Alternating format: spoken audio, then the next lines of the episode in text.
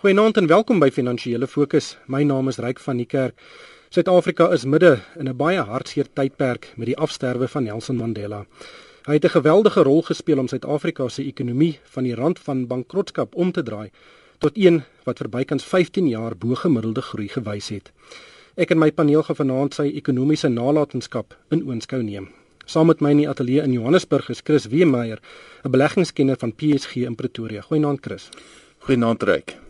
En op die lyn uit Stellenbosch gesels Hugo Pinaar van die Buro van Ekonomiese Onderzoek wat verbonde is aan die Universiteit van Stellenbosch. Goeienaand Hugo. Goeienaand Ryk en luisteraars. Hugo, kom ons begin sommer in 1994 toe Mandela uh, die eerste swart president in Suid-Afrika geword het. Hy het 'n baie siek ekonomie geërf. Ekonomiese groei was so wat 1,7% en besig om te taan. Staatsskuld was buite beheer en werkloosheid was aan die styg. Sy groot agenda was om die ongelykhede wat die apartheidstelsel meegebring het te probeer regstel. Gou vat ons 'n bietjie terug. Skets vir ons die prentjie van die uitdaging wat voor Mandela se deur was. Jy het nou mooi opgesom, Ryk. So jy weet baie mense ehm um, verwys daarna dat die ANC regering basies 'n bankrot uh, land geërf het. Miskien nie heeltemal so erg nie, maar inderdaad staatsskuld op daai stadium was redelik hoog.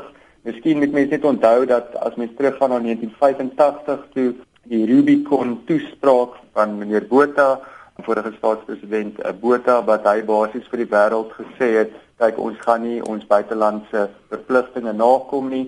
Natuurlik dit het nou 'n um, ehm, dramatiese impak op Suid-Afrika gehad op ons die rente wat ons op staatsskuld moet betaal um, ensovoorts. So ek dink dit dis die tipe van omgewing, jy weet regtig half die meisons van die res van die wêreld. Natuurlik ons het ons het nie eintlik toegang tot internasionale kapitaalmarkte uh, gehad nie. So dit soos jy sê dit was half 'n uh, ekonomie wat uitgesluit is van die res van die wêreld. So nou kom ons in 1994 was 'n redelike klomp soos hulle in Engels sê goodwill teenoor Suid-Afrika na die verkiesing markte word word oopgestel. Maar dit het met 'n klomp uitdagings gepaard gegaan maar ek dink die belangrikste was dat die nuwe regering moes die staatsskuld uh, onder beheer gekry het Chris, ons het gesien ekonomiese groei tussen 1980 en 1994 was 1.5%. Dit was regtig die, die land was soos Hugo ook nou gesê het, regtig voor 'n kruispunt. Maar van 1995 af tot 2007 het daai groeikoers meer as verdubbel. Daar het regtig iets gebeur in die ekonomie en dit het onder sy leierskap gebeur. Wat is jou indrukke van hoe die ekonomie in daai tyd verander het? Ja, ek dink ryk mense moet besef voor 94 was die ekonomie heeltemal inwaarts gedrewe. Ons het sanksies gehad en uh, toe ons ewe skielik deel van die wêreldekonomie so heelwat van die Suid-Afrikaanse maatskappye het toe darme geleentheid gehad om deel te neem aan die wêreldekonomie. Maar ek dink daar was tog heelwat pyne ook gewees met hierdie herstrukturering. Ons het 'n uh, nuwe beleidsvormers in die, in die staat gehad by departement handel en nywerheid is daar ook besluit om uh, meer te kyk om te spesialiseer in sekere bedrywe en uh, daar is sekere sektore wat baie swaar getrek het en wat 'n klein deel van die Suid-Afrikaanse ekonomie bedien het wat basies toegemaak is. Maar uh, daar was heelwat wenners geweest. Die wêreld het ewe skielik oopgestaan en Suid-Afrikaanse maatskappye het hierdie geleentheid aangegryp om deel te word van die wêreldekonomie. Maar ons het 'n situasie gehad waar voor 94 het sanksies regtig eintlik 'n muur om Suid-Afrika gebou uh, ekonomies gesproke en ewe skielik is daai muur afgebreek amper soos die Berlynmuur en dit was 'n geweldige verandering wat plaasgevind het. Maatskappye kon skielik reg oor die wêreld sake doen en dit het sekere bedrywe regtig laat ontplof. Die finansiële dienste bedryf is byvoorbeeld een van hulle. Ja, nee, ek kan onthou in die 90er jare was die omset op die beurs was as op 'n goeie dag was dit 'n miljard rand gewees. Uh, vandag is dit uh, niks anders snaaks as 'n dag se verhandeling op die beurs is niks minder as 20 miljard rand vandag nie.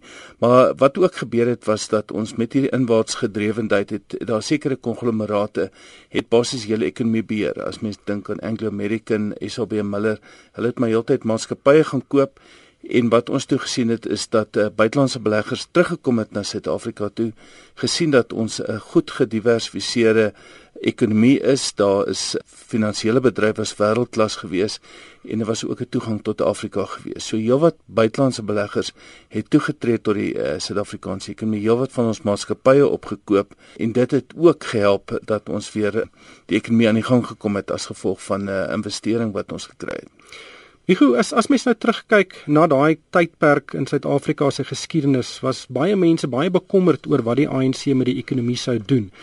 Tog het hy die grondslag gevestig dat Suid-Afrika vir 'n 15 jaar lank regtig ongekende ekonomiese groei beleef het. Wat dink jy het hy reg gedoen in daai vroeë fase van sy presidentskap om juist daai platform te vestig?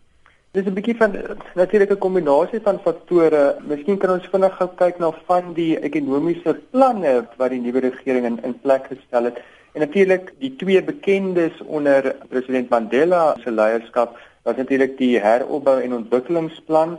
Nou daai plan was spesifiek gemik om die sosio-ekonomiese probleme wat van die apartheid tyd gestryke te probeer aanspreek. So en en spesifiek die ongelykhede wat gevloei het uit apartheid, so byvoorbeeld toegang tot elektrisiteit, water, uh, behuising ensovoorts. So dit het spesifiek daarop gefokus, maar dan natuurlik kan mens nou nie die makro-ekonomie agterweë laat nie. Ek dink die ANC regering het besef dat om hierdie ongelykhede aan te spreek, het mense ekonomie nodig wat meer stabiel is. Vir 1996 het het ons keer gekry en hoewel keer se mikpunte was sterker ekonomiese groei en diensneming, dink ek moet mense ook verstaan op die ou einde die die bydrae wat wat die keer gemaak het tot Suid-Afrika was om makro-ekonomiese stabiliteit te skep. So deur dit het ons ehm um, jy weet daar was 'n onafhanklike sentrale bank wat na inflasie begin kyk het. Ons het 'n minister van finansies gehad en Trevor Manuel wat besef het ons kan nie net um, bestee nie, daar is bloot nie geld daarvoor nie. So ons moet eers die staatsskuld onder beheer kry voordat ons regtig die herverdeling kan doen wat in die herop en ontwikkelingsplan in die vooruitsig gestel het. So ek dink die groot voordeel wat Suid-Afrika uit die geer plan gekry hoewel dit baie kritiek gekry het natuurlik uit die vakbond geleedere by byvoorbeeld die groot voordeel vir Suid-Afrika was die groter makro-ekonomiese stabiliteit. Ons het nou dramaties laer inflasie as wat ons in die 1980s gehad het en die staatsskuld is ook hoewel dit nou die laaste tyd weer weer skerp begin styg het as mens dit vergelyk met met 20 25 jaar terug is ons in 'n dramaties beter omgewing. Maar ons het steeds regtig strukturele probleme wat spruit van sedert 1994. Die die vernaamste is sekerlik werkloosheid nommer 1 en nommer 2 voortgesette ongelykheid tussen uh, wit mense en swart mense.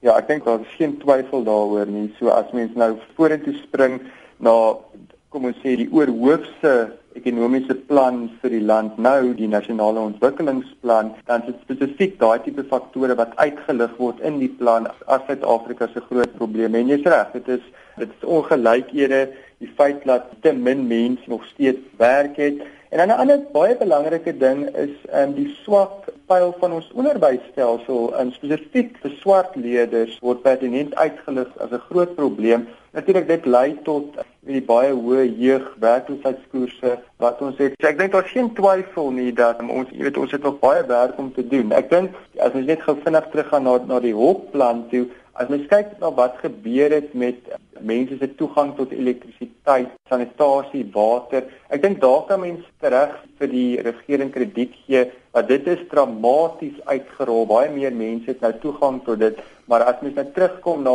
ons ek wil amper sê ons top probleem in terme van werkloosheid. Ek meen daar het ons eintlik as mens nou eerlik moet wees, nie nie soveel vordering gemaak as as wat mens graag sou wou, um, as mens nou teruggaan na na 1994 toe.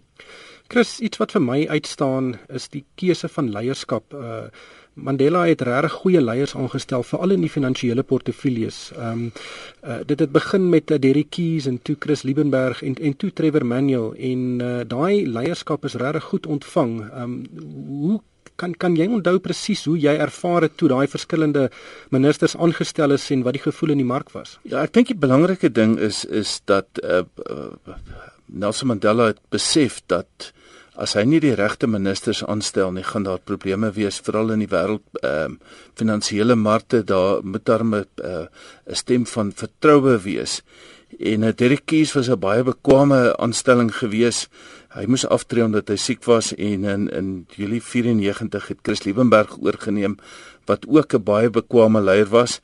En uh, hy het toe 6 maande voordat uh, Chris Liebenberg in 1996 se aftree alreeds vir Trevor Manuel geïdentifiseer. Nou uh, Trevor Manuel het net gesê maar wat weet hy van finansies af? En hy het 6 maande gehad om te leer by uh, Chris Liebenberg en dit was 'n fantastiese aanstelling geweest. Trevor het die wêreldmark op sy gemaak gestel en met die regte syne tevore gekom.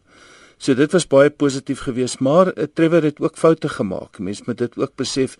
Daar was uh, toegelaat dat uh, van Suid-Afrikaanse maatskappye hulle primêre noterings uh, uit Johannesburg skuif na Londen toe.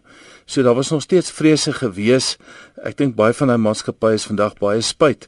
Uh, daai tyd was toegelaat dat Anglo American, SAB Miller, Old Mutual, Dimension Data hulle primêre noterings uitskuif. Ehm um, so alles was dan nou nie maanskyn en rose nie, maar as mens na die groter prentjie kyk, was was was was hierdie ministers van finansies het hulle baie goeie werk gedoen. Ja, Hugo leierskap in die ekonomie is kritiek en en ek dink dit is een van sy nalatenskappe wat regtig uh, verlang onthou gaan word, die keuse van sy ministers. Ja, ek dink dit is reg. Ek ek wil miskien net gou vinnig 'n staaltjie vertel, uh, miskien nie heeltemal op op die punt nie, maar miskien ook net die belangrikheid van van internasionale blootstelling en ook hoe dit meneer Mandela en ons ander leiers se denke uh, beïnvloed het. Ek dink jy moet onthou dat dat meneer Mandela nie noodwendig altyd 'n byvoorbeeld 'n vrye markier was nie toe hy uit die uit die tronk uit gekom het was was daar ook maar redelike ehm um, 'n denke van ehm um, nasionalisering ehm um, byvoorbeeld en Tito Mboweni vertel die staaltjie dat hy by saam met meneer Mandela toe hulle die eerste keer na die wêreldekonomiese forum toe gegaan het. Ek kan nie presies onthou watter jaar dit was of dit dalk net in 92 ehm um, was nie en hoe hulle daar met 'n Chinese leier gepraat het en en die blykbaar vir hulle gesê het luister Ons is in 'n kommunistiese land en ons beweeg al hoe meer na kapitalistiese stelsel. Ehm um, so uh, jy weet kyk kyk net, moenie moenie dink waar 'n nasionalisme tipe beleid gaan gaan vir julle veel voordeel bring en en ek dink dit jy weet daai tipe van goed het het het 'n wesenlike impak gemaak om ons leierskap ehm um, se denke uh, te beïnvloed. So ek, ek dink dit is nogal belangrik. Hmm. Chris, laastens baie Suid-Afrikaners sit met uh, Nelson Mandela memorabilia. Ek dink veral aan van die goue munte met sy gesig op. Daar is R5 wat ek weet taamlik waardevol raak. Die eerste Mandela munte wat ge gemint is hier in die uh, wel 'n hele paar jaar gelede. Is daar enige waarde wat mens kan heg uh, aan hierdie munte wat meer gaan wees as aan ander soortgelyke uh, weet uh, memorabilia of of ehm um, items uh, wat is jou siening gaan daai goed in waarde toeneem ek neem aan dit daar sal op die kort termyn sal daar heelwat uh, belangstelling wees in in hierdie memorabilia ek dink net mense baie versigtig wees vir die Mandela muntstukke Ehm um, ons weet nie hoeveel van die hoeveel miljoene of hoeveel honderde duisende van hierdie muntstukke gedruk is nie. Ek weet nie wat die skaarsheidware is nie. En uh, hierdie muntstukke verhandel teen 'n baie groot premie teenoor byvoorbeeld 'n kreerrand en oor tyd kan dit wees dat hierdie muntstukke se waarde gaan terugsak nader aan pariteit uh, wat 'n kreerrand sal verhandel. Uh met die kunswerke, daar is kunswerke wat mense se hulle 2 300 000 rand voorbetaal, hulle wag dat daar iets gaan gebeur. Ek sou baie versigtig wees. Koop liewer te veel kunswerk wat mooi is eerder as om 'n beleggingsding te koop wat jy dink dalk waar in die toekoms gaan hê. Ek sal baie skepties wees. Maar tog is daar baie kunstenaars, die oomblik as hulle afsterwe, dan skiet daai pryse van daai kunswerke deur die dak. Ja, hulle moes dan 'n goeie kunstenaar ook gewees het en 'n uh, eh, mens moet ook gaan kyk na na wie die kunstenaar was en en sy geskiedenis. Nelson Mandela was nou nie bekend as 'n kunstenaar nie. En daar is baie kunstenaars wat prente geteken het van Nelson Mandela. So ek sal nog steeds skepties wees. Ek koop kunswerke eerstens omdat dit mooi is en nie omdat daar beleggingswaarde is nie. Iemand met dit as jy dink teen 'n hoë prys koop, moet jy maar hoop iemand koop dit later teen 'n hoër prys by jou. Ja, as dit uh, Nelson Mandela was natuurlik een van die hy is natuurlik een van die grootste Suid-Afrikaners wat ons nog ooit opgelewer het. So, ons sal daai baie fyn dophou. Ongelukkig het die tyd ons ingehaal. Dankie aan Chris Weemeier van PSG. Baie dankie Ryk. En die Gopinaar van die Buro van Ekonomiese Ondersoek in Stellenbosch. Uh, dankie Hugo. Goeienaand. En vir my Ryk van die kerk, dankie vir die saamkuier.